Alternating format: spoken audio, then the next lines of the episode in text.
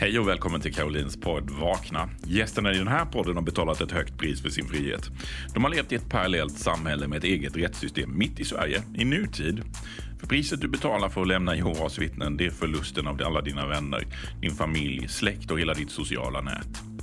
I de här intervjuerna delar gästerna sin historia om hur det är att leva inne i en parallell värld. Om smärtan i att förstå att det man trodde var sant inte alls är det. Och om hur du överlever en social misshandel som kanske skulle kunna ha kostat dig livet. De berättar om vad som väckte dem och hur de har lyckats skaffa sig ett nytt och friskt liv. Du som håller på att vakna kommer att känna igen dig. Du som inte hade en aning om företeelsen kommer att förvånas. Det är dags att vakna med Caroline och gäster. Hej och välkommen till ett nytt avsnitt av Vakna med Caroline och gäster. Idag har vi Samuel Tillberg på besök. Det var så roligt för att Samuel och jag eh, känner varandra digitalt kan man säga. Men eh, för några dagar sedan på, i Nyköping springer vi in i varandra. Jag kände inte igen Samuel men han hade känt igen mig och min man Marcus och kommer fram till mig och säger nej men hej vad roligt, jag måste bara få hälsa. Och eh, ja, då får vi en kontakt i verkliga livet och såklart så kommer samtalet in på Eh, Eh, min podd och han lyssnar på den. Och jag blir ju alltid nyfiken på berättelserna bakom, eh, bakom alla personer som har varit Jehovas vittnen. Och därför så frågar jag Samuel, Samuel, skulle du vilja vara med i min podcast? Och Samuel säger, ja men absolut. Och det tycker jag är jättekul. Och idag ska vi lyssna på Samuels berättelse. Välkommen hit Samuel. Tack så mycket, vad roligt att vara här. Verkligen. Det är farligt att springa in i mig för jag strax och fråga, skulle du vilja vara med i min podd? Precis. Samuel, berätta lite om dig själv. Vem är du? Ja, vem är jag? Jag eh, är 35 eh, år gammal. Till att börja med så kan jag vara den jag är, för nu är jag fri. Det känns väldigt, väldigt härligt. Jag eh, är fyra barns pappa. Jag har två egna barn och två bonusbarn. Jag älskar att vara ute i naturen och vandra. Jag tycker om att träna. Ehm, älskar att läsa. Helt enkelt njuta av de här äh, små sakerna i livet som verkligen ger, ger en, en djup mening. Du jobbar i Nyköping, för jag träffade dig nästan på jobbet. Ja, nästan. Norrköping, men det är nära Nyköping. Ja, just det. Norrköping var det. Vi var på väg upp till Stockholm och det var så roligt. Det var nästan synkronicitet för att vi skulle, vi skulle delta i ett event och det skulle börja klockan 15.00 i Stockholm och vi hade lite bråttom men vi skulle in och äta lite lunch. Men under tiden där då blev det eventet avbokat och då tänkte vi att då har vi lite extra tid på oss. Så vi tog extra tid på oss och det gjorde att, du, att vi skulle kunna springa in i varandra. Det var väldigt bra. Ja, Norrköping var det vi träffade. Ja, nej, men jag arbetar där i en optisk butik som butikschef och eh, jag tycker det är ett väldigt givande arbete att få hjälpa människor att se bra. Mm. Är du Norrköpingsbo från början? Jag är uppväxt i Söderköping, men det ligger precis intill vid Göta kanal där. Jag gjorde min pionjärskola i Norrköping. Ja, ja vad roligt. ja, eh, eh vad var det? 99 måste, 99 måste det ha varit. Jag gjorde min pionjärskola i Norrköping. Och jag minns att vi brukade ha pionjärskolorna här ibland och vi hjälpte till att servera mat och sådär. Det var ju en, en happening liksom i församlingen när det var pionjärskola. Ja, men det var kul. Eh, det var jätteroligt och, och vi var ju ute och, och traskade och, och tränade direkt i distriktet. Så jag undrar, Norrköpingsborna måste vara väldigt trötta på JV för då, vi var ju extra ihärdiga när det var pionjärskola och det var en hel drös som kom ut. Gjorde återbesök efter två, tre dagar och sådana grejer skulle vi träna oss på. Ja, men precis. Jag minns också det från pionjärskolan när jag gick den. Det är sant. Mm. Mm. Samuel, ditt liv som Jehovas vittne, hur, hur såg det ut? Är du växt upp som ett Jehovas vittne och hur många generationer tillbaka var du vittne? Ja, jag växte upp som ett Jehovas vittne. Min pappa han uh, blev vittne i vuxen ålder. Uh, men min mamma var uppväxt som vittne så på hennes sida så var jag då tredje generationen. Um, och um, mm. det var väl en uh, ganska strikt konservativ Eh, Eh, familj så i den bemärkelsen att man höll sig ganska hårt till läran. Vissa familjer kan ju vara lite mer liberala på vissa punkter och så där. Eh, men, men så var det i mitt fall. Och ehm, jag döpte mig till slut när jag var 16 år gammal. Även om det inte var en, en spikrak väg eh, till dopet så var det till slut där jag landade i alla fall, att jag skulle bli ett Jehovas vittne. Det trodde jag då. Vad var det som gjorde att det inte var en spikrak väg till dopet? Nej, men det är väl så när man växer upp i en sån här rörelse egentligen, när det finns liksom en miljö där man kanske inte riktigt får eh, möjlighet att utveckla sitt eget inre jag. Så man har ju hela tiden en konflikt mellan det här inre jaget och den här personligheten som religionen, organisationen och alla människor runt omkring en vill att man ska vara. Alla de här yttre kraven. Vad ville ditt, eh, vad ville ditt inre jag när du var barn och tonåring? Nej, men det finns ju så många saker som, som man blir begränsad i som barn och tonåring. Det kan vara allt ifrån enkla saker som att eh, få följa med på ett födelsedagskalas i skolan. Att, mm. att kunna kanske dejta den personen som man är kär i i skolan. Att kunna få eh, uttrycka sig när det hade att göra med politik och dylikt i skolan. Det var mycket sådana saker. Eh, men sen var mm. det också framför allt utbildning. Jag ville verkligen utbilda mig vidare och bli lärare.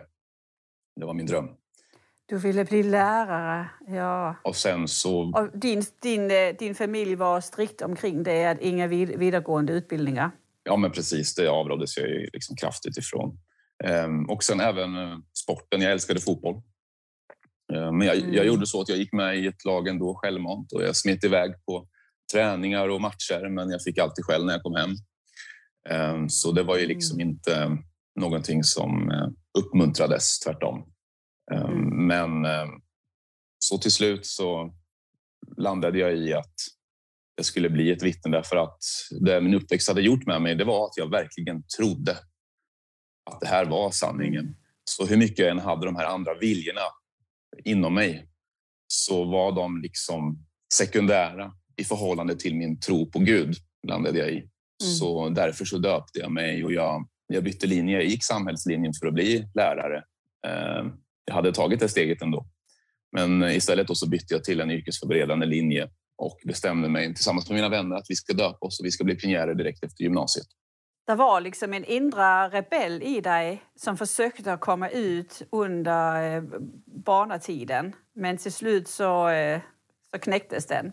Den andra vann. Ja, just då i alla fall. mm, just då. Ehm, så, så jag känner igen mig. Jag var, jag var en riktig eh, jag älskade idrott när jag var barn och ungdom. Jag levde i idrottshallen. Och det var, jag älskade gemenskapen med alla som, spel, som gjorde sporter. Det var badminton och tennis för min del. Och jag ville så gärna träna. Jag fick gärna gå på träning, men jag fick inte vara med på matcher.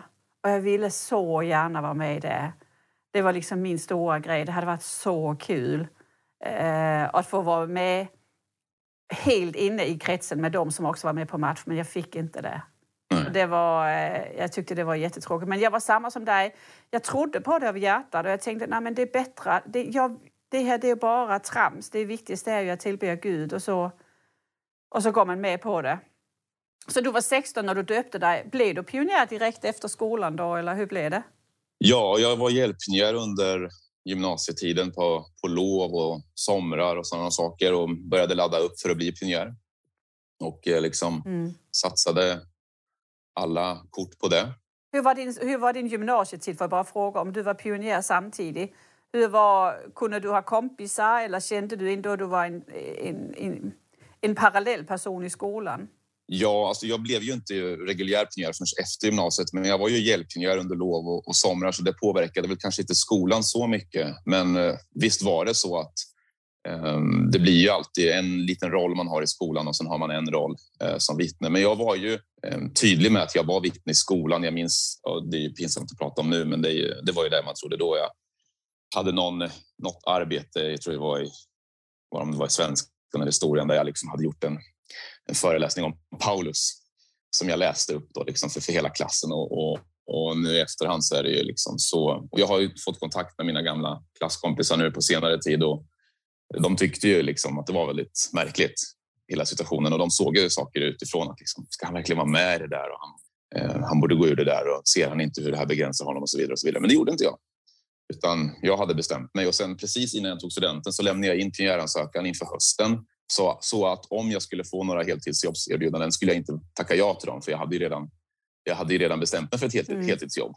Um, och så, så, blev det, så blev det också. Jag fick ett par sådana erbjudanden, tog inte dem, började som pionjär och uh, sen så fick jag ett deltidsjobb um, så att jag kunde börja som pionjär på hösten. Där, Vad var precis. det för deltidsjobb du fick? Var det städning eller var det uh, i ditt yrke? Jag hade gått en handel och administrationsutbildning så jag arbetade i en klädbutik. Sålde kostymer och skjortor och slipsar och sådana grejer. Det var lite kul. Jo, men absolut. Det passade mig bra då också. Jag behövde mm. mycket skjortor och slipsar. Så. ja, men det var ju i alla fall inte... Alltså det är ju ändå ett jobb där man träffar lite folk och får socialisera lite istället för att gå direkt från skolan och börja putsa fönster eller städa. Det är ganska tufft att göra det. Absolut. Ehm, jag har haft en hel del andra jobb över tid sen också som eh, har varit mer åt det hållet. Men det var ju fortfarande inte så att det där var det jobbet jag ville hålla på med som jag kunde känna att genuint kom. Men jag hade ju bestämt mig för att det var ju det andra som, som var mitt livsmål. Liksom. Så jag kände väl där och då inte att det var meningslöst eh, eller att det inte var i linje med, med vad jag egentligen ville. Utan jag hade förtryckt min egen vilja så pass mycket så att jag, jag trodde att det var det här jag ville. Jag ville vara pionjär. Och just där och då när jag trodde så kunde jag, tyckte jag då i alla fall, hitta mening i de, i de eh, uppgifterna jag hade inom organisationen. Vad kände du, hur, hur kände du inför tjänsten? Vad tyckte du om tjänsten? Ja, jag trodde ju verkligen att jag hade sanningen som vi fick lära oss. Så jag såg den som väldigt mm. viktig. Och jag försökte mm. vara väldigt noggrann med att gå tillbaka till människor som visar intresse. Jag försökte förbereda återbesöken. Jag försökte vara noggrann när jag hade bibelstudier och så vidare. Så jag, jag tog tjänsten på väldigt stort allvar. Um, men jag tyckte inte att det var roligt. Utan jag tyckte det var ganska påfrestande och jobbigt och sådär. Man står klockan sex en blåsig liksom, decemberdag vid stationen och delar ut traktat för att få upp mer timmar. Liksom. Eller när man har försökt att kämpa och kämpa och kämpa med något återbesök tyckte man man förberedde sig och sen så ville de ändå inte. Så över tid sen så kommer jag att landa i den, det kanske vi kommer till lite längre fram, jag landade väl till slut i någon typ av åsikt där jag tyckte att tjänsten var inte meningsfull i den bemärkelsen att jag skulle lyckas, konverter, lyckas konvertera människor utan att det mer var en syssla för att visa Gud min hängivenhet. Så kände jag faktiskt i många år. Jag var ju en väldigt hängiven pionjär också. Jag faktiskt lyckades studera in flera stycken från distriktet. Men ändå så kom jag till den här, ja men tjänsten är ju i första omgång för att hålla ihop församlingen, för att påminna oss om var vi står, vad vi tror på. Varje gång vi säger någonting så blir det verkligt för oss. Så egentligen till slut mer för vår egen skull än för lyssnarnas skull. Ja, precis. Du var då, eh, du blev pionjär, du var helhjärtad. Hur, hur utvecklades ditt vuxna liv? Gifte du dig och, och, och när blev du förordnad och hur, hur såg hela din karriär ut som vuxen?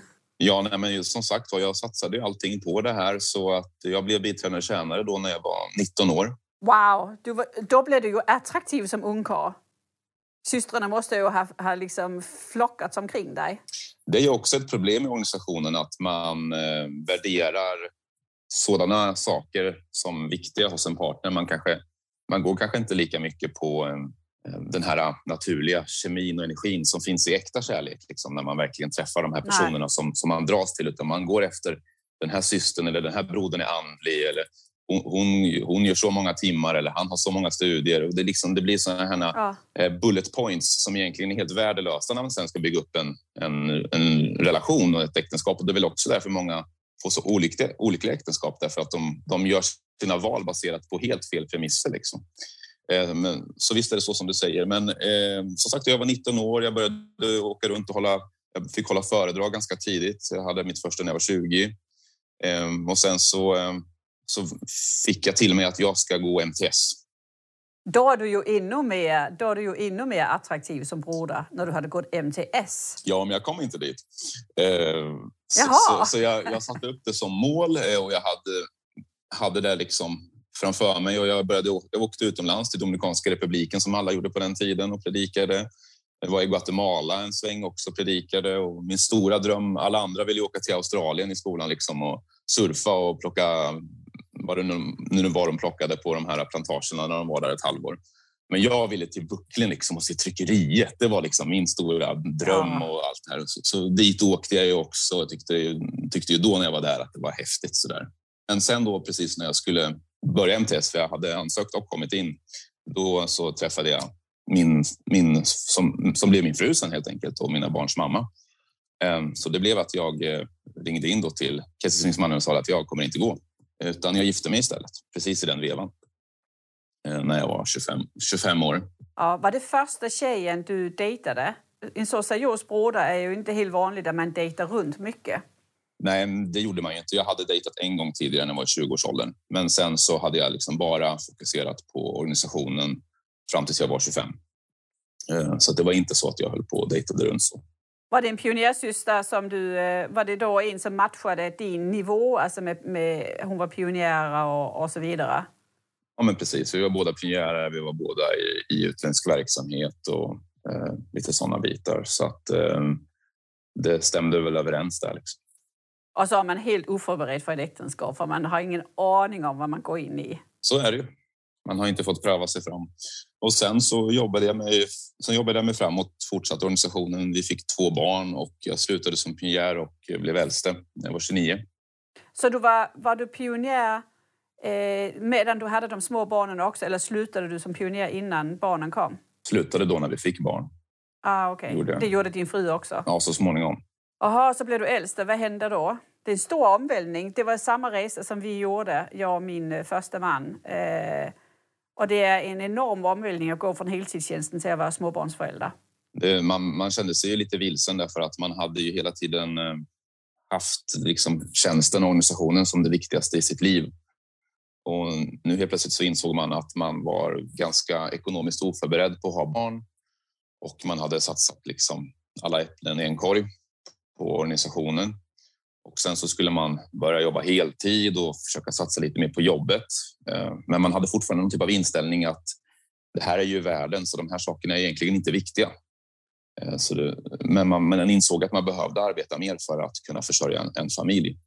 Eh, så det var väl en liten vilsen tid där. Och sen så när jag blev äldste så var det också ett väldigt bryskt uppvaknande för att jag började inse saker om organisationen som gjorde att jag eh, inte riktigt visste vart jag skulle stå längre. Jag hade fortfarande inte förstått att det var sant. Men de sakerna jag såg gjorde att jag inte mådde bra. Vad var det du såg som gjorde att du inte mådde bra? Det var så många saker. Ehm, så länge man inte var äldste eh, och var ute liksom i församlingen så kunde man ju ta del av det här lite man skulle kunna kalla det här lite fluffiga, kristna, snälla värdena liksom och Gud är snäll och det finns ett paradis och det finns en samhörighet i församlingen och det är en familjär stämning och så vidare. Och så länge man liksom skötte sig hyfsat och inte bröt mot reglerna så kanske man inte riktigt förstod hur destruktiv eh, organisationen var. Ja, då skulle de här besluten baseras på helig ande och eh, mm, var grundade i Bibeln. Men jag märkte att det var inte alls helig ande som styrde de här besluten utan till att börja med så var det demokratiska processer med handuppräckning.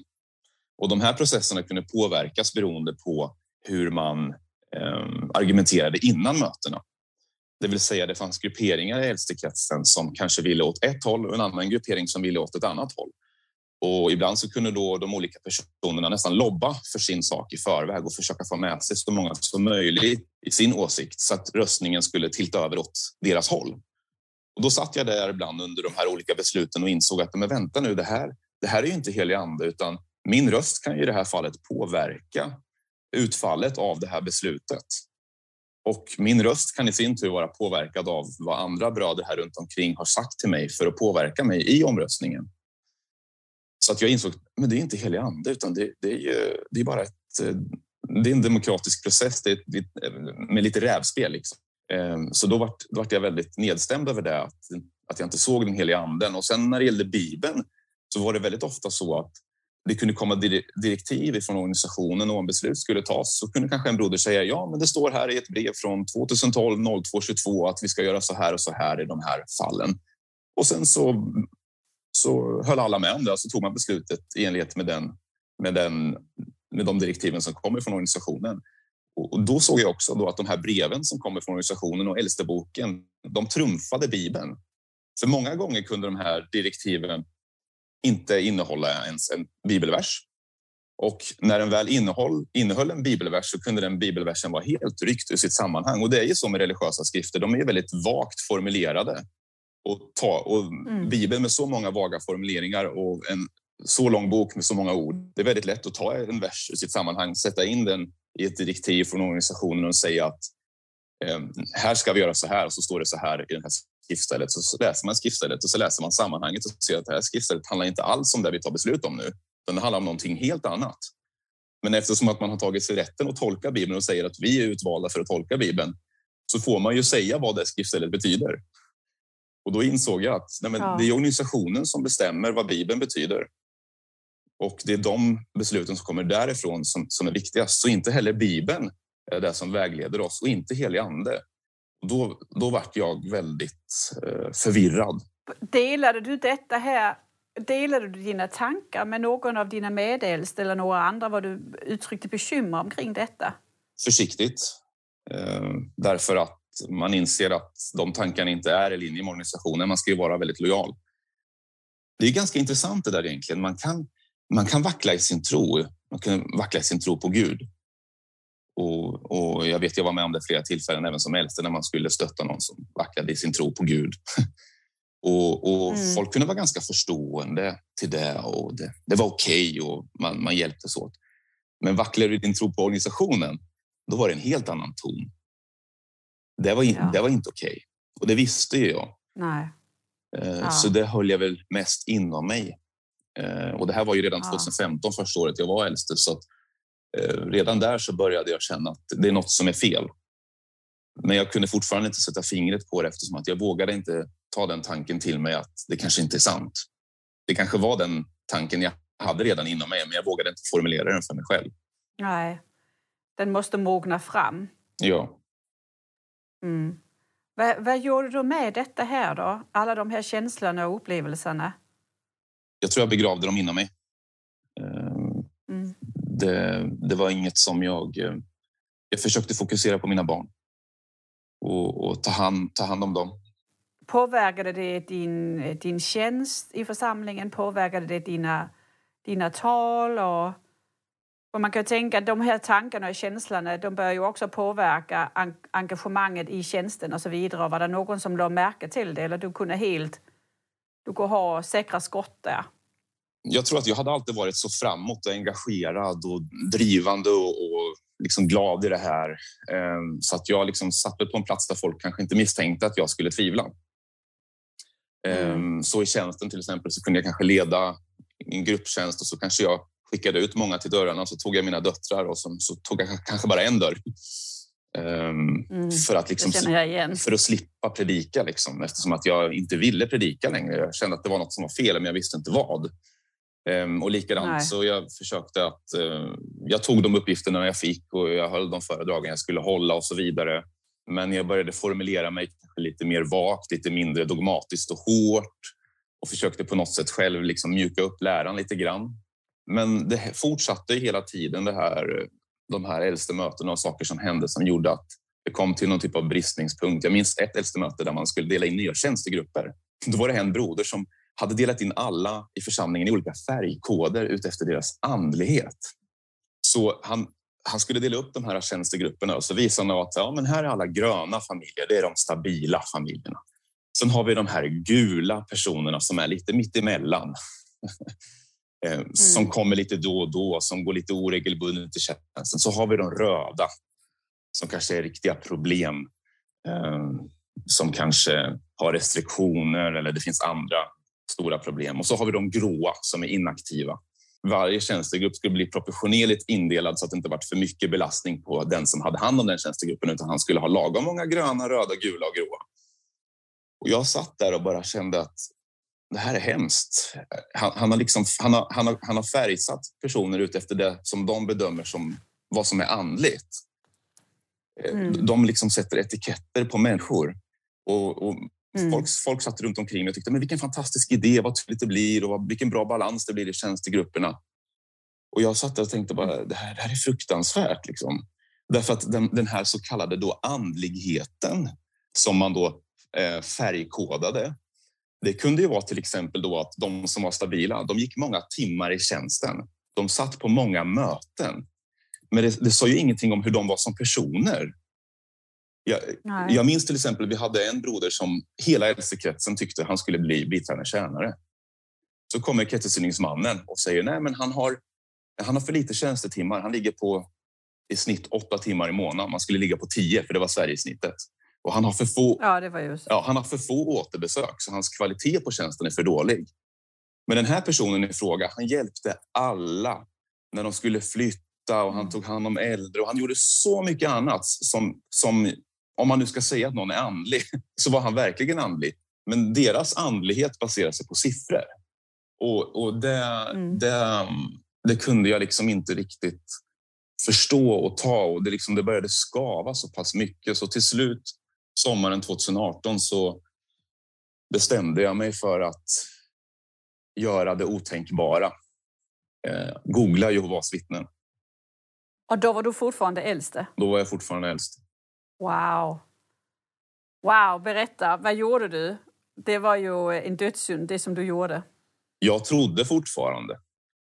Jag trodde på mm. Gud, jag trodde på Satan, jag trodde på alla de här bitarna som vi hade fått lära oss. Jag trodde också att den informationen som fanns utifrån om organisationen kanske var ifrån Satan, som vi hade fått lära oss.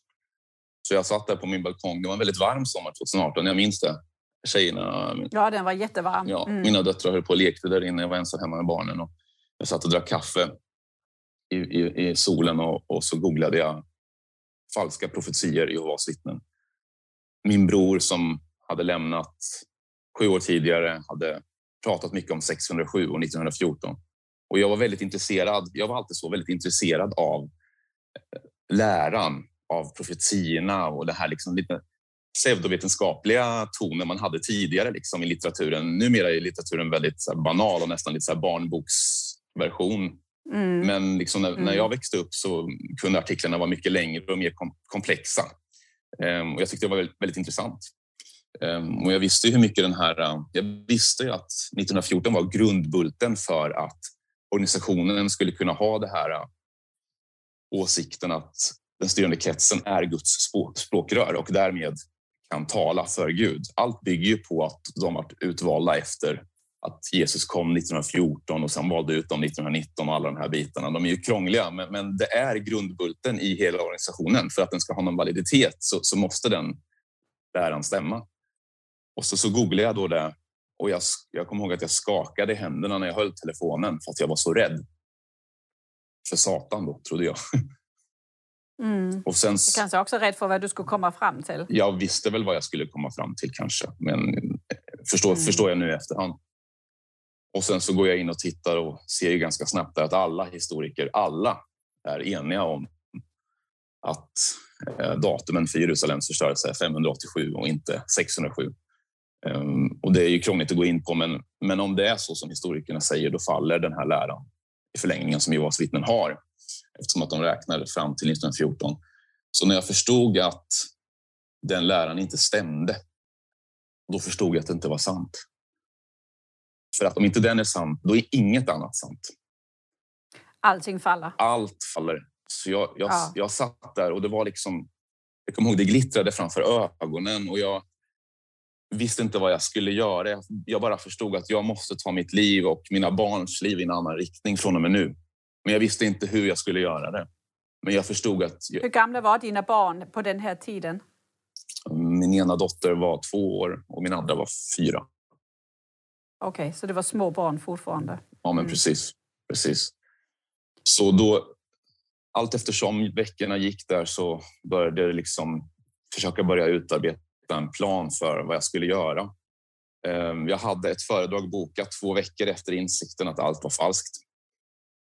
Jag höll det.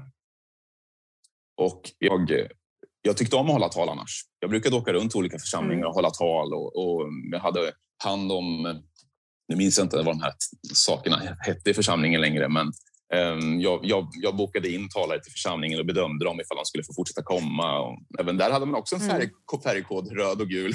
Ja, just det. Mm. Ehm, och så vidare. Mm. Vilket i och för sig är ganska bra, för man har alla varit utsatt för de här fruktansvärt tråkiga talen. Det är ju inte alla som har förmågan. Hur snälla och härliga de än är så är det inte alla som har förmågan att hålla en sal vaken. Precis. Nej, men så är det. I den bemärkelsen kanske färgkodningen var bra. Men jag håller det här ja. talet och eh, jag, jag svettas. Jag, kan inte sluta svettas. Det brukade jag aldrig göra när jag höll tal. Och jag kände bara hur hela mitt bröst bulta och jag mådde dåligt. Um, uh, för att jag visste att det var inte sant det jag sa. Och mina barn, nu blir jag väldigt känslosam, mina barn sitter där nere och jag står här uppe och ljuger. Jag ska aldrig någonsin mer ställa mig på det här podiet i hela mitt liv. Bestämde mig för där, där uppe. Så um, när jag gick ner från podiet den gången så bestämde jag mig för att jag ska aldrig mer gå upp på det här podiet och det gjorde jag aldrig heller. Wow. Så var det. Så vad var nästa steg? Det, det, kände din fru någonting på dig, en förändring? Men så var det väl. Jag hade ju liksom på grund av de här sakerna som jag har nämnt tidigare inte varit lika engagerad och inte lika glad i läran och i, i aktiviteterna kring religionen. Så nog märktes det i en relation, absolut. Mm. Jag bestämde mig för att försäkra mig om att allting verkligen var falskt. Så jag började sitta uppe på nätterna när alla sov. Jag satt och ehm, tittade på olika dokument ifrån ehm, universitet som var skrivna om Jehovas vittnen. Ehm, läste olika avhandlingar och började titta på Youtube en del förstås och såg olika föreläsare alltifrån professorer, jag tror det var en som heter Christine Hayes på Yale som håller, undervisar i bibelkritik som kunde bevisa då att hur olika karaktärer i Bibeln kom till och togs ifrån andra omkringliggande religioner som existerade innan och hur de sen då blev olika karaktärer i Bibeln. Ja, det finns ju ingen väg tillbaka då. Det fanns ingen väg tillbaka. Eh, så jag höll på så här i nästan ett halvår och på tåget fram och tillbaka till jobbet, för då jobbade jag i Linköping. Um, och sen så beställde jag hem Crisis of Conscience. Då, då, då tåget kört? Ja, Ray France som har varit med i styrande kretsen och eh, lyckades få tag i ett exemplar på, på svenska. Det går ju lika bra på engelska, men det var väl det, det jag läste den på engelska först, men när, eh, när jag läste den på svenska så sjönk den ännu djupare in i hjärtat. Och då, då fanns det ingen väg tillbaka. Ingen. Ehm, så då um, på hösten där 2018 i november, då bestämde jag mig för att jag ska göra det här stegvis. Jag ska först eh, stiga ner som äldste. Under hösten hade jag konsekvent tackat nej till alla uppgifter. Ehm, jag gick som sagt var inte... Men vilken ursäkt? Ja, jag bara sa att jag inte mådde bra. Det, det funkar alltid. Så jag ska, jag ska stiga ner som äldste. Jag ska sluta gå i tjänsten och sen ska jag sluta gå på mötena och sen till sist ska jag lämna. Ja. De fyra stegen eh, tänkte jag att jag skulle ta. Så mm. i november där 2018 så sa jag ifrån att jag vill inte vara äldste längre. Ehm, och då pålystes det. Och i den vevan så hade jag också berättat hemma lite hur jag kände. Ehm, vi var inte på samma linje. Ehm, men jag eh, gick på mitt sista möte sen i december där. 2018. Eh, och innan det så hade jag också slutat att gå i tjänsten. Och sen så ehm, började jag under våren där 2019 att försöka bygga upp ett socialt liv innan jag skulle lämna. Jag började umgås lite mer med arbetskompisar. Jag eh, ringde upp eh, gamla skolkamrater som blev jätteglada. Vi hade inte hörts på 15 år. och de, och liksom, de sa flera av mina klasskompisar. Men äntligen, oh, har du lämnat? Vad roligt! Ja, vi har bara väntat på det här. Ja. Liksom, och eh, det var som aldrig förr. Man var hembjuden till någon och drack kaffe och vi började mm, umgås. Och, eh, jag tog med barnen till, till de här vännerna. Försökte bygga upp livet så socialt liksom, för att ha någon typ av grund innan jag lämnade. Och jag läste och läste och Men jag läste måste bara fråga, för det måste ha blivit en stor separation mellan dig och barnens mamma. För att, att man kan ju vara, I en vanlig familj så kan man ha olika religiösa eller politiska åsikter men, men det är väldigt ovanligt att man ena är kvar i sekten och den andra inte är det just för kultkulturen är som den är. Och, och, och, du börjar plötsligt söka dina gamla klasskompisar. Hur, liksom, hon måste ha varit helt förtvivlad. Hon tänker inte bara att, att du tappar tron, men hon känner att hon tappar ju sin man. Ja, det var väl inte lätt för någon av oss. Det var väl så som du säger. Men eh, jag var tvungen att tänka på mina barns framtid och att leva ett ärligt liv. Det, det var viktigare än att upprätthålla en lögn. Och sen så kontaktade jag även mina, brö mina bröder och min far, för de hade lämnat många år tidigare. Jaha, din far hade lämnat? Ja, precis. Han, han, lämnade, när jag, ah. han, han, lämnade när jag var i tonåren. Mm. Så vi bodde ju själva med min mamma många, många år. Och mina bröder hade lämnat, den ena när han var 12 år och den andra när han var 20. Och de hade jag inte pratat med på många år. Inte din pappa heller? Nej, precis. Och det var också en sån sak som hade skavt. I organisationen så framställs det ofta som att det är så synd om de här familjerna som har barn som blir uteslutna. Och det är så synd om mamman och pappan och det är så synd om syskonen att de har haft den här upproriska tonåringen eller så vidare. Och så vidare. Men jag kunde aldrig känna så med mina bröder. Även om jag följde organisationens riktlinjer och inte har kontakt med dem så gjorde det så fruktansvärt ont i hjärtat och jag tyckte bara synd om dem. Att de var ja. själva. Och jag kände inte att det var synd om mig eller min mamma eller de som var kvar. Det var ju synd om dem. Ehm, ja. Men så framställs det inte i litteraturen utan Nej. de framställs ju som elaka och monster och själviska och avfällingar och allt vad, det, allt vad det nu kan vara. Och de får så olyckliga liv. Och ja, alla börjar knarka. Och, ja. Det, ja. det är så där de framställer det. Ehm, men ehm, det var alltid någonting som skavde. Liksom. Så att få kontakt med mina bröder igen och min pappa, det var ju helt fantastiskt. Liksom. Och jag tog med mina barn på den här resan också. Så de fick ju träffa, eh, min, min bror kom och hälsade på och de fick, även fast han bodde utomlands och så. Så de fick börja träffa eh, de delarna av min familj som de inte kände. Vad fint. Det blir som eh, att familjen blir hel på något sätt. Att den, den bortförlorade familjen inkluderas i barnens liv. Ja, precis. Verkligen. Och, och hur länge höll ert äktenskap? Hur, det kan, jag kan ju tänka mig, det här kan inte ha fortsatt. Nej, men precis. Det blev så att eh, vi fick gå skilda vägar där. Eh, så att jag, eh, jag gick till de äldste. Det var nämligen som så att jag tänkte ju fejda, som det kallas. Glid, mm. Glida undan lite grann. Good luck när du har varit äldste och, och pionjär. Jajamän, det var kört. Det var kört. Mm. så hela, mm, hela, den, hela den våren var de ju ringde på min dörr och de ringde min telefon och de ville ju hjälpa mig. Och det, ja. och, och det var ju deras uppriktiga avsikt, men deras, de, ja, ja. deras uh, hjälp innebär ju att jag ska komma tillbaka. Att jag ska börja gå på möten mm. och studera mer och jag fick det rådet. Men läs dagens text varje dag och ha familjestudium och läs Bibeln så blir allt bra. Uh, jag visste att det hade ju inte hjälpt eftersom att det inte var sant. Liksom. Så till slut så fick jag göra så att jag fick uh, självmant uh, säga till dem att jag inte ville vara med längre. Därför att jag orkade inte de här påtryckningarna. Men berättade du för dem allt det du hade upptäckt omkring 607 och, och så vidare? Eh, pratade du med dem om det faktabaserade du hade kommit fram till? Ja, jag pratade med flera äldstebröder som jag stod nära, som jag skulle beteckna som mina vänner då. Eh, och det hade vi väl fortfarande varit om inte religionen hade stått emellan.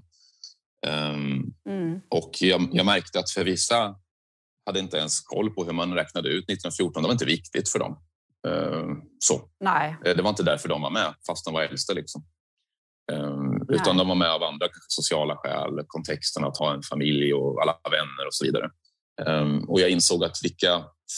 I början så ställde jag uppriktiga frågor. Men det, här, det här stämmer inte och det här stämmer inte. Kan vi hitta någonting som gör att det här skulle kunna stämma? Men det var liksom ingen som kunde hjälpa mig med det. Och det visste jag väl egentligen också. Så, så jag, till slut så fick jag ju lämna organisationen och då var det också i, i den vevan att, att vi skilde oss också. Eh, så att det var, ja. det var så det, det blev. Och, men jag måste säga... Att så det var 2000... Ja, 20, ja, 2019, men den stunden är, den är fantastisk. Den är fantastisk. Berätta. Ja, men jag minns den dagen väldigt väl. Jag eh, tänkte att jag ska, jag ska må bra nu när jag lämnar. Så jag tog på mig kavaj och skjorta gjorde mig i ordning, gick ner till rikessal, hade det här mötet med de äldste.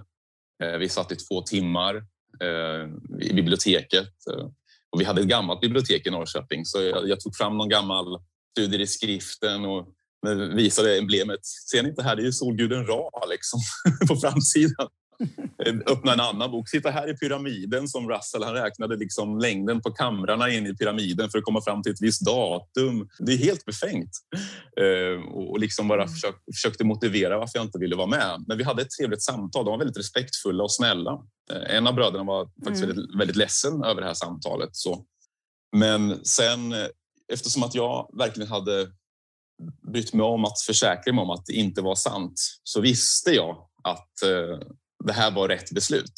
Så när jag gick ut därifrån så kände jag någon sån euforisk känsla. Liksom. Det, bara, det spratt i hela kroppen. Jag var, jag var så lycklig. Så jag gick ut på en gräsmatta lite längre bort. Det var en blå himmel, det var maj.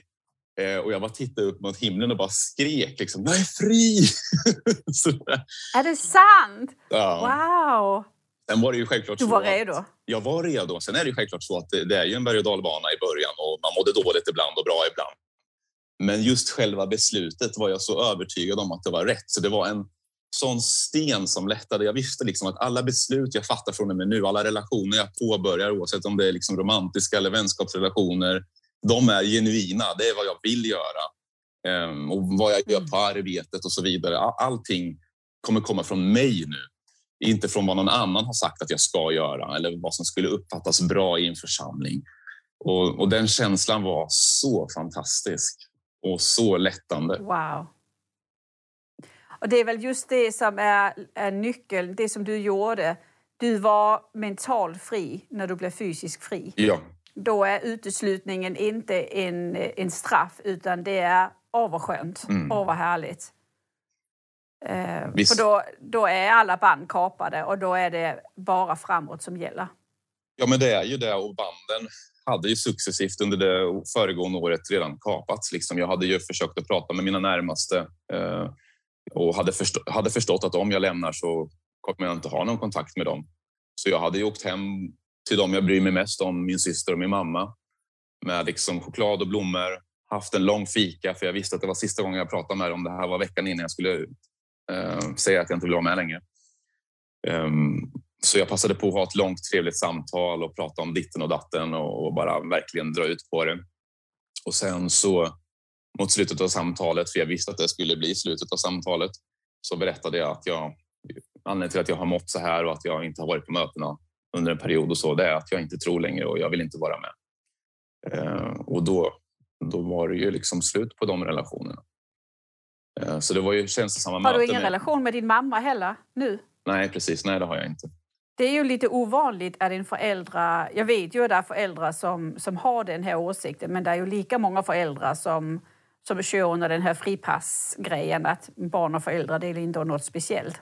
Jo, precis. Men jag, jag, jag, tror det finns ju flera bitar i det här, men en del kan väl vara att jag så specifikt uttalade mig om att jag inte tycker att religionen är bra, att den inte är sann mm. och att det, det rörde för djupt in i hjärtat på de personerna som jag hade runt omkring mig. Uh, och att det liksom mm. inte fanns någon möjlighet att ha någon kontakt med mig längre. Hade jag varit tyst om det kanske mm. bara lämnat. Kanske hade varit en annan sak. Mm. Um, men men uh, så blev det i alla fall. Så jag är beredd på det också när jag lämnade att jag kommer förlora de här relationerna.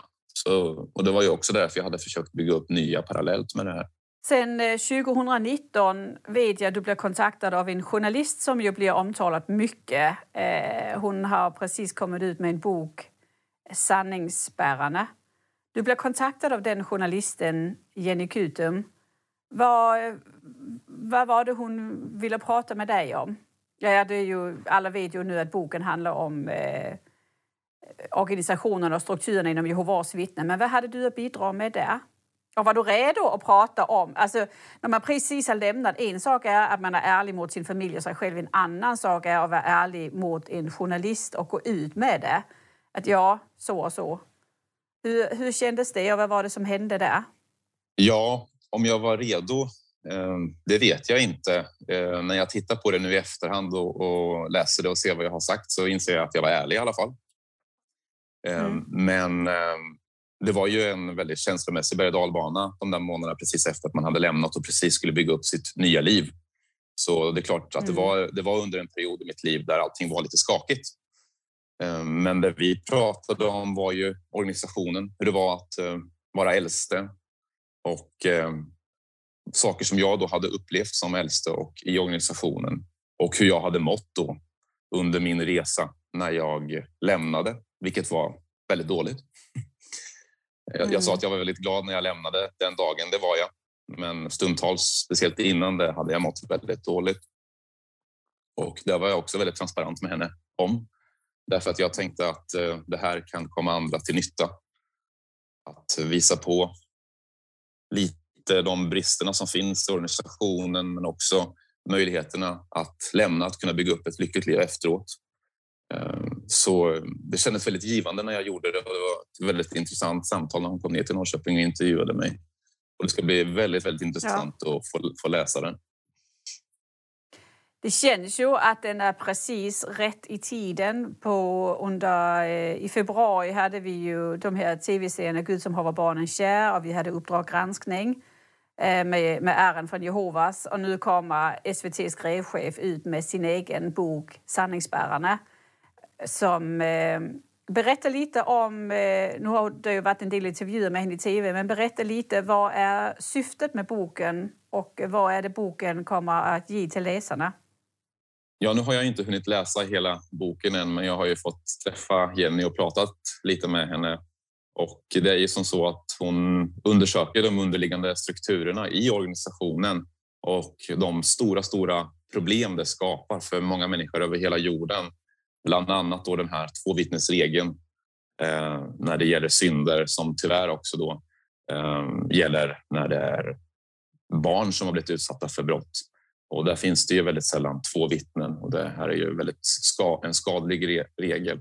Och hon undersöker det här parallella rättssystemet som vittnena faktiskt har eh, med domstolar och dylikt, eh, dömande kommittéer som de kallas. Och eh, som jag förstår det så är ju syftet att lyfta upp det här till allmänheten och min förhoppning är ju att det ska kunna bli förändring framöver genom att sånt här uppmärksammas. Vi hade den här serien Gud som haver barnen kär också eh, i, i vintras och sen kommer den här boken nu och eh, för att saker och ting ska kunna förändras så krävs det ju kunskap och det här är ju kanske saker som allmänheten och beslutsfattare kanske inte har haft koll på helt enkelt. Så jag tycker det arbetet hon gör med den här boken är oerhört, oerhört viktigt. Vad anser du, eh, vilken, vilket ansvar anser du myndigheterna har gentemot slutna religiösa rörelser och, eh, och de som är i de här rörelserna? Ja, men myndigheterna har ju ändå ett ansvar eh, gentemot alla medborgare. Självklart är det ju så att vi ska ha religionsfrihet. Det är ju en, en viktig sak i, i ett samhälle. Men det finns ju en linje någonstans där en religiös rörelse har regler, interna domstolar och dylikt när det liksom börjar inkräkta på de individerna som finns i rörelsens privata liv. Saker som begränsar dem eh, i deras liv. Alltifrån att, som till exempel i Jehovas vittnens fall, att inte kunna få rösta. Det är ju en, mm. det är ju en eh, liksom, antidemokratisk åsikt liksom att om ni går och röstar så kommer ni bli uteslutna. Eh, vi, röstar på mm. Guds, vi röstar på Guds kungarike. Och de formulerar det som mm. så att eh, i och med att man har döpt sig så har man ju själv valt att man inte vill rösta.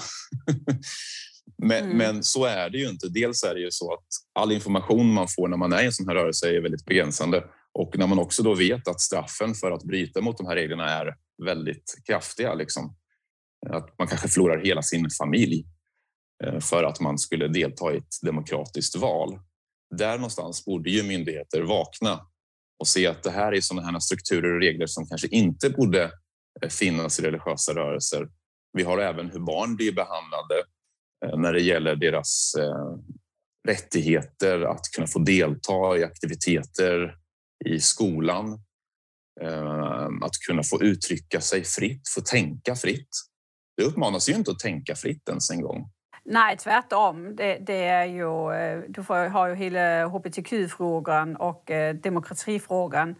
Eh, om, om ett, ett, ett barn till ett Jehovas vittne plötsligt börjar uttrycka sig om politiska åsikter, eh, det går ju inte. Det får de inte uttrycka sig om.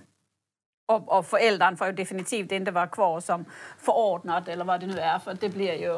Eh, det är ju ett, då har man ju inte koll på sin familj. Nej, precis. Och sen så tänker jag också på en annan sak mm. som jag tror finns i barnkonventionen, där att man ska säkerställa liksom att barnen har rätt till eh, information, fri information vad det gäller ja. frågor som sociala, andliga och moraliska. Och när man växer upp mm. inom Jehovas vittnen så har man inte tillgång till fri information. Eller man har ju egentligen som medborgare i landet tillgång till den. men man har inte rätt till den i organisationen. Nej, du får ju inte yttra det. Du får ju hålla det för dig själv. Ja, men precis. Och sen eh, information som kommer utifrån om organisationen, det, där skräms man upp att det som är i media eller det du hör i skolan, ja, det är liksom ifrån Satan. Eller högre utbildning. Mm. Alla har rätt till högre utbildning. Nej, men om du, om du utbildar dig på högskola, då kanske du får ett kritiskt förhållningssätt och det kan hända att du tappar din tro. Och sen så uppmanas man då inte att, att studera vidare till exempel. Och det här påverkar de facto människors framtid. Det finns ju så mycket nedtryckt potential i en sån här rörelse. Mm. Så många fantastiska mm. människor som skulle kunna utveckla sina förmågor. Eh, duktiga musiker eller de kanske skulle kunna eh, bli duktiga inom rättsväsendet eller vad det vara må. Men allt det här blir ju nedtryckt då eftersom att det ska ju inte bli någonting i den här världen. Och det är också någonting som jag tänker att eh, myndigheterna borde kika på. Att alla ska ju ha tillgång till fri utbildning, men om man då har en rörelse som motverkar det här, den här fri utbildningen som faktiskt finns i det här landet. Är det verkligen okej okay att en rörelse ska få säga så här till sina medlemmar, utöva sån här påverkan på dem så att de inte får tillgång till det som de faktiskt har rätt till? Nej, jag tycker inte att det är okej. Okay. Nej, precis. Det är det verkligen inte. Men det man kan säga är att det är så roligt för att många av oss som lämnar, eh, som har undertryckt den här potential, vi är ju fullständigt explosiva sen när vi kommer ut. Och vi ser ju speciellt nu i den här äran med sociala medier. Vi har ju vi har böcker, vi har tv-program, vi har folk som vågar komma ut. Eh, alltså det, det, är så mycket nu på 2000-talet eh, som vi, där vi får möjlighet för att uttrycka oss och där plötsligt den här potential som vi aldrig har låtit blomma ut kommer till uttryck. Och det ger ju organisationen eh, varma öron. Alltså de får ju, de får ju smisk för att plötsligt så får vi möjlighet att uttrycka oss fritt och, och faktiskt berätta hur vi känner upp, har upplevt det. Så på något sätt så så tror jag också att det blir extra kraft när man äntligen kommer ut för det är så mycket man vill säga och berätta och dela med sig. Um, så ja, det blir ju en slangbällseffekt. Ja, du som förälder, jag måste få höra om vi går tillbaka till ditt nya liv. Hur har du det idag? Du har varit, ute i, du har varit fri i tre år nu. Ja. Ganska exakt. Ja. Berätta, hur är ditt liv idag? Ja, nej, men det är fantastiskt. Jag, jag är verkligen genuint lycklig nu. Du säger ju ordet som är nyckeln. Jag är fri. Jag är inte fast. Ja. Jag, har, jag har fått en fantastisk sambo som jag verkligen älskar av hela mitt hjärta. Mm, vi har valt varandra därför att vi verkligen uppriktigt älskar varandra och det är så härligt att få dela livet med henne. Allt ifrån att vandra. Förra året så besteg vi Kebnekaise tillsammans ehm, till att se den kärleken som hon visar mina barn. Ehm, hon har ju två barn, jag har två barn, men vi är en, en stor lycklig familj. Ehm, jag har tagit mer ansvar på arbetet, vilket har gjort att jag kunnat få en annan position och få, få en mer givande daglig verksamhet på jobbet som jag tycker är jätterolig. Ehm, de vännerna jag har skaffat eh, är liksom baserade inte på att jag på något sätt är andlig i någon församling eller någonting, utan de tycker om mig för den jag är. Jag tycker om dem för den de är. Och ehm, det som är så härligt tycker jag det är att när man väl lämnar så är man så öppen för allting som kan komma i ens väg. Och om man är, om man är öppen och bara vågar låta den energin flöda så tar man in de sakerna som är samstämmiga med ens, egen, ens eget inre. Ehm, en av mina bästa vänner nu till exempel träffade jag på kön sommaren 2019 till en åkattraktion på Kolmården. Våra barn började leka och sen så sa vi, men vad fint de leker, ska inte vi ha en playdate? ja, vad kul! Sen har liksom barnen utvecklat vänskaper och, och jag och Jonas, som han då heter, eh, har blivit nära vänner. Och han är också väldigt intresserad av sådana frågor vi kan prata om. Han är kurator så vi kan prata om ja, filosofi eller alla möjliga olika saker. Eh, jag har fått en bra kontakt med mina bröder och min pappa eh, som jag älskar väldigt mycket, alla tre. Och det är också fantastiskt. Jag skulle verkligen vilja säga det till sådana som kanske är i funderingarna om man skulle lämna. Eh, att det byggs ju ofta upp en eh, rädsla för att lämna. alla som lämnar blir så olyckliga och det går inte bra för dem och sådana saker. Um, men det är ju verkligen, verkligen inte så. Nej. Utan det är inte så. Nej, jag minns en av illustrationerna som jag brukade få höra när jag var barn till anledningen till att vi skulle leva de där begränsade liven som vi gjorde. det hade att göra med det här med perspektiv. Då sa man att vi är som ett barn som står vid en spis och uppe på spisen så finns det en kastrull med kokande vatten och vi ser inte att det är farligt. Men Jehova, han är som en förälder som tittar ner i kastrullen och han ser att det finns vatten i kastrullen och han kan säga till oss att det är farligt. Så när du då hör de här reglerna, eller du får inte göra det här eller det här, du får inte fira födelsedagar, eller du får inte älska någon av samma kön eller vad det vara må. Även om du då inte förstår de här reglerna så är det för att du har ett begränsat perspektiv. Men Juva han har ett annat perspektiv. Men då skulle jag vilja säga när man har lämnat att det är, finns inget kokande vatten i den här kastrullen. Du har blivit lurad. Och det är så fantastiskt att bli fri från de här rädslorna. Det är så fantastiskt att få leva sitt liv på ett äkta, genuint sätt utan tvång från andra eh, människor, utan att bara kunna leva det fullt ut. Det är underbart. Så de här, den här skrämselpropagandan att man mår så dåligt och det är så farligt att lämna. Det är inte sant. Det är precis tvärtom. Ja, jag hade min gäst förra veckan. Hon sa livet på den här sidan är verkligen euforiskt. Mm. Alltså, eh, hon, hon, hon kände en, en, ja, en känsla av eufori ja. på den här sidan för att plötsligt upptäcka så många delar av mig själv som ger mig glädje som jag bara har stängt dörren till. Men nu, nu vågar jag öppna de här dörrarna till nya möten och nya människor, nya åsikter och ja, att wow, det är ju det som gör att livet blir fulländat.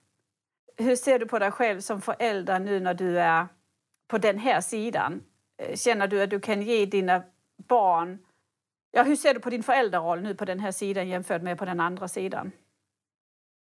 Ja, det är ju oerhört mycket mer glädjefyllt att kunna få vara förälder där man får känna att man får erbjuda dem ett fritt liv och inte komma med alla de här riktlinjerna och begränsande reglerna och kraven utan att kunna göra precis vad man vill. Vi, när vi firade jul första gången, första gången jag såg dem sitta där under julgranen och öppna sina julklappar och de var så lyckliga. Kunna ta bort rädslan från sådana här saker, det är inget farligt att fira jul. Eller deras första födelsedagskalas, den, den glädjen liksom när eh, min äldsta dotter blåste ut sina första ljus över tårtan. Hon tittade ut liksom när de kompisarna som var där. Helt fantastiskt. Eller att kunna ta bort rädslan ja. för Harmageddon och Satan. Minns i början de kunde mm. komma och prata om det här med Satan. Nej, men Satan han finns inte. Det är ett låtsasmonster. Nej, men Harmageddon, pappa kommer inte dö i Harmageddon. Nej, precis. För de lever ju i en varannan vecka-liv. Eh, för de har ju såklart... Eh, ett, de behöver ju... med sin mamma så följer ju mammas eh, åsikter med pappa följer pappas åsikter. Hur, hur samarbetar ni omkring det? Hur funkar det med barnen? Men det är klart att det är svårt för barnen och man får ju vara eh, väldigt inlyssnande där såklart. Men eh, mm. det är inte alltid helt lätt såklart. Men det, det, det, viktigaste för mig är att erbjuda dem det här fria livet där de kan få utbilda sig till vad de vill, de kan få älska vem de vill. Om, om de får den möjligheten och får växa i den, i den fria miljön så eh, tror jag att de kommer att kunna känna sig trygga i att välja ett fritt liv. Sen kan jag behöva bli tvungen att bemöta saker. De får lära sig när de är på de här mötena eller när de är hemma hos eh, min, min familj som är kvar och så vidare. Och det kan vara tufft ibland, absolut. Men det är ju också en oerhört givande uppgift att få kunna hjälpa mina barn att vara fria människor och få tänka fritt, även om det ibland kan vara tungt. Ja, för det är ju den här konsten att lära barnen att älska sin mamma, älska sin moster, älska sin mormor, Man kanske inte älskar deras religion. Det är två olika saker. Man kan fortfarande vara jätteförtjust i min mormor och min mamma och allt det här utan att eh, omfatta samma religiösa tänkesätt. Precis som de kan älska sin pappa utan att bli en kopia av sin pappa. Jag menar, om du är socialdemokrat kanske de väljer att bli borgerliga, men det behöver inte betyda att de älskar dig mindre. De älskar dig lika mycket för det. Men de är egna själar, de är egna människor. Ja, precis. Och det, där har du en väldigt viktig poäng. Att det gäller att inte... Det här handlar inte om människor egentligen, utan det handlar ju om Nej. en organisation som har regler mm. som får bra människor att göra dåliga saker. Så jag har varit väldigt noggrann med att inte kritisera vare sig deras mamma, min familj eller människor som lever kvar i den kontexten. Eh, jättefina människor. Mm. Eh, ja, ja, visst. Men jag tvekar inte att vara tydlig med när jag tycker att det finns en lära eller en regel som de har blivit utsatt för. Eh, att visa, visa på varför den dels inte är sann och mm. varför de inte behöver tänka på det viset. Men det skulle bli mycket jobbigare för barnen om man började blanda in känslor för personer. Utan precis som du säger, de vill, de vill älska både sin mamma och sin pappa och det är jätteviktigt att, att komma ihåg. Absolut. Och jag tror också barn som växer upp i det här miljö lär sig ett kritiskt tänkande. För att på något sätt så kommer de fram till att jag måste faktiskt dra en slutsats själv. Är det pappa som har rätt eller är det mamma som har rätt? Eh, så de börjar lära sig, men vad är den tredje sanningen? Vad är min sanning? Och, eh, och, och det, eh, jag tror det är en gåva man ger barnen, att, att lära sig att, eh, det här kritiska tänkande. Inte bara svälja allting som kommer bara för det är mamma som säger det eller pappa som säger det. Um, så det, det, är ju en utvecklingsmöjlighet man ger barnen på det här sättet. Och sen ger man det som jag har upplevt, eh, som jag har hört från, eh, från några av mina familjemedlemmar som där jag säger det här med att ja, men nu äntligen kan jag få ge barnen en, en fri barndom. Och då säger de, ja men det är inte så konstigt, nu får de ju göra allt. Men det stämmer ju inte. Nej. Det är ju inte så man är mindre förälder bara för att man, inte, bara för man låter barnen vara barn. Men jag har ju, man uppfostrar fortfarande sina barn precis med, med moralnormer och hur, hur man ska bete sig. Men de får vara barn. De behöver inte säga nej till roliga kalas eller härliga kompisar bara för att man inte har samma åsikter. Självklart så har ju, finns det normer i samhället och man har sin egen moraliska kompass och sådana saker försvinner ju inte bara för att man inte är med i en religion. Så visst kan man ändå ge dem en, en struktur, men de får välja själva hur de vill leva sitt liv. Sen. Samuel, du har ju valt att nu vara med i min podcast. Du har valt att vara med i den här boken. Eh, du ehm, du har ännu inte varit på boksläppet eh, när vi spelar in det här men när det sen så kommer du att ha varit på boksläpp och då kommer det också att bli eh, att du går ut ännu mer offentligt med ditt liv. Varför har du valt att göra det? Är det för din egen process? Är det på något sätt du förhåller dig till det eller vad är det som, som gör att du har valt att göra det? Jag kände själv när jag lämnade att det var oerhört styrkande att få höra andra människors berättelser, vad de hade gått igenom, hur de hade tagit sig ur eh, religionen och hur de hade lyckats bygga upp sina liv. Och eh, jag tror att alla historier är väldigt viktiga och kan tillsammans hjälpa andra människor. Eh, och jag tänker att om det är så att min historia kan ha ett litet bidrag till att hjälpa någon annan som antingen redan har gått ur rörelsen eller är på väg ur så vill jag gärna bidra med det. Jag tycker också det är väldigt viktigt att visa att man kan leva ett normalt, lyckligt liv efteråt. Att det inte är ett stort mörkt hål. Det kan kännas så i början. Vad ska jag göra nu? Vad ska jag tro på nu? Vem ska jag vara vän med? Hur ska jag göra det här? Och så vidare. Och så vidare. Det är så många frågor som man inte har svar på i början. Men sen kanske man landar i att mm man kanske inte behöver ha svar på alla frågor heller. För jag hade svar på allting förut. Nej, det hade du inte, men litteraturen hade det. Exakt. Jag använde litteraturen för att svara på alla frågor, men man kunde mm. aldrig ifrågasätta de svaren. Och många av de svaren har det visat sig i efterhand var faktiskt lögner. Och då är det så befriande att kunna känna att ja, jag, jag har kanske inte svar på alla frågor, men det behöver jag inte ha heller. Därför att det handlar om att leva livet och uppleva livet och uppleva nuet. Och mm. att leva livet nu. Förr, då tänkte jag hela tiden på paradiset. I paradiset ska jag göra det där. I paradiset ska jag bygga det huset. Då ska jag göra ditten och datten. Mm. och nu, mm, nu, nu, behöver man inte tänka på det. Nu, nu kan man tänka, men jag lever här och nu. Vad ska jag göra nu med det här livet som jag faktiskt upplever och som jag kan ta på? Det, det, mm. det är det som räknas. Och kan man förmedla den känslan till någon, då har man kanske gjort något gott. Ehm, så det är lite så jag tänker eh, i och med att jag går ut med det här. Och jag tror det är en viktig del av ens egen process också att man, eh, man gifter ihop det nya och det gamla livet med att acceptera att varje gång man pratar om det så accepterar man ja men det var en del av mitt liv. Det är ingenting att skämmas för. Jag var hjärntvättad och nu kan jag ge kraft till andra genom att visa att man kan faktiskt starta om och börja på nytt mitt i livet och det kan bli riktigt, riktigt bra. En sista fråga, jag måste bara fråga. Du har ju fått ett nytt liv med, med ny kärlek och eh, ny eh, sambo eh, och, och nya bonusbarn. Hur träffades ni? För det är någonting jag ofta får höra här i min podd. Men ja, det är så svårt att träffa kärleken. Och hur, hur ska jag göra? Man vill kanske inte vara ensam resten av livet eller i många år. Men jag tror precis som med nya vänskapsrelationer så gäller det även det här om man ska träffa någon att man måste vara öppen. Eh, och det är det som är mm. fördelen mm. ute i den fria världen, att man kan vara det. Och I det här fallet så var det så att jag hade en arbetskompis som var vän och granne med min nuvarande sambo som tänkte när hon jobbade tillsammans med mig, ja, men Samuel och Frida, de, de skulle vara perfekta tillsammans. och Nej, vad kul! Så då introducerades ja. vi för varandra bara. Och eh, sen så var det faktiskt så att det verkligen klickade. Så eh, på den vägen var det. Och många har ju andra historier, men är man öppen för livet mm. så kommer man att träffa mm. både kärleken och vänner. Det, det kommer att hända. Mm. Och när träffades ni? Eh, det var ju sommaren 2020.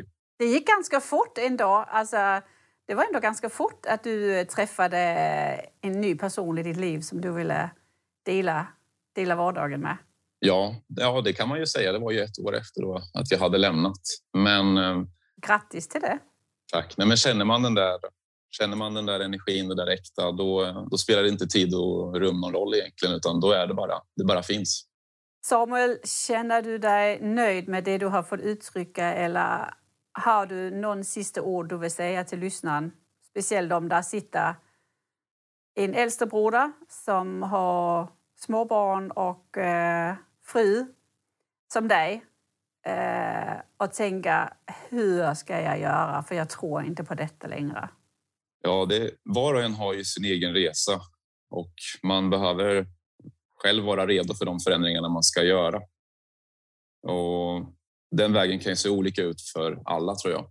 Jag kan ju bara säga utifrån mitt perspektiv att kunna få leva livet fritt, att kunna bara få ha fria åsikter och att kunna få förmedla dem till mina barn. Det har varit så otroligt givande. Det har varit en tuff resa bitvis, men alternativet hade varit så oerhört mycket svårare. Och det finns ingen mer genuin känsla än att leva sitt liv äkta. Det, det hade inte gått att, leva en lögn, för mig i alla fall. Ehm, alla har sin egen resa, men det finns så mycket härligt här ute så att det är inget att tveka på i, i, min, i min värld i alla fall. Och jag kan slå ett litet slag för eh, vår grupp på Facebook som heter Hjälpkällan eh, som eh, du kan inte hitta den genom att söka den, men om du känner någon som är med i Hjälpkällan så kan man bjuda in.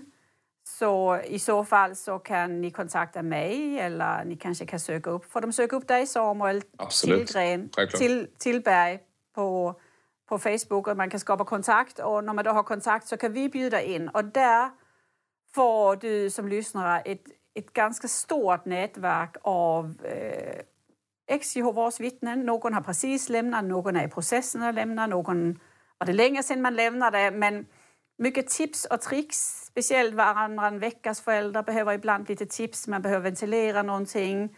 Eh, men där har ni ett stort kontaktnät som är väldigt, väldigt fint och som jag har haft mycket stöd och hjälp av. Och du har ju också, när gick du med i Hjälpkällan eh, Samuel? Ja, det, det gjorde jag innan jag lämnade, kanske ett halvår innan eller så där.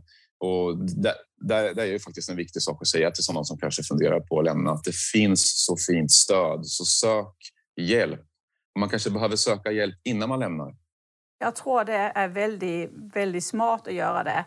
För nu har jag ju följt flera stycken i Facebookgruppen som har varit i processen att vakna och lämna och eh, det här stödet, man behöver inte vara själv i det. Även om man sitter på olika platser i landet så har man det, det moraliska stöd. Och rätt som det är så upptäcker man, jag upptäckte, oj, jag har ju hur många som helst i samma by som mig. Och vi har ju börjat umgås och ha kul och trevligt och så vidare. Så du har ju en, en, ny plattform med människor som faktiskt förstår exakt vad du går igenom. Ja, det är inte lätt detta. För det är klart det är viktigt att börja ett nytt liv med nya kompisar. Men ibland är det också skönt att prata med någon som förstår precis vad du går igenom och, och eh, kan ge lite tips till hur ska man hantera eh, mor och farföräldrar på insidan som vill studera med barnen i min vecka eller mitt barnens andra föräldrar vill ta på sammankomst eller möten i min vecka. Hur ska man göra? Hur ska man säga för att inte spolera samarbetet men ändå stå på, på sin sak? Plus att plötsligt så ser man det. Ja, men du, jag kommer ju ihåg dig. Jag var håller föredrag där, eller jag var pionjär där. Eller, det är ju lite som en parallell liten värld man kommer in i, var man har gemensamma bekanta och gemensamma upplevelser. För det som jag upplevde på den här sidan det är att oj, ja, jag har fått nya kompisar, nya vänner, men det är ingen som känner mig före 2018. Det är ju, de har aldrig känt mig som barn och ungdom och vuxen, eller ung vuxen. Men, men det har jag då där, så på det sättet så har man lite av båda delarna. Dela en lång historia, det är ju viktigt. Samuel, med det sagt så vill jag säga tusen tack för att du eh, ville medverka. Jag uppskattar verkligen eh, dina ord här. Och så vill jag säga att eh på återseende, vi kanske ses i Norrköping någon annan gång eller någon annanstans. Absolut, tack så mycket för att jag fick vara med. Det var jättekul. Vill du vara med i Vakna med Caroline och gäster? Att dela med sig av sina upplevelser kan frigöra en hel del blockeringar och hjälpa dig vidare i livet. Det är ofta helande och läkande att höra sig själv berätta vad man har varit med om och som man faktiskt har klarat av. Det är som en tung ryggsäck som man kastar bort för att gå vidare med nya och friska krafter. Besök reject.com och anmäl ditt intresse om du vill vara med. Knappa in r-e-j-e-c-t.com e, reject.com. Du är varmt välkommen.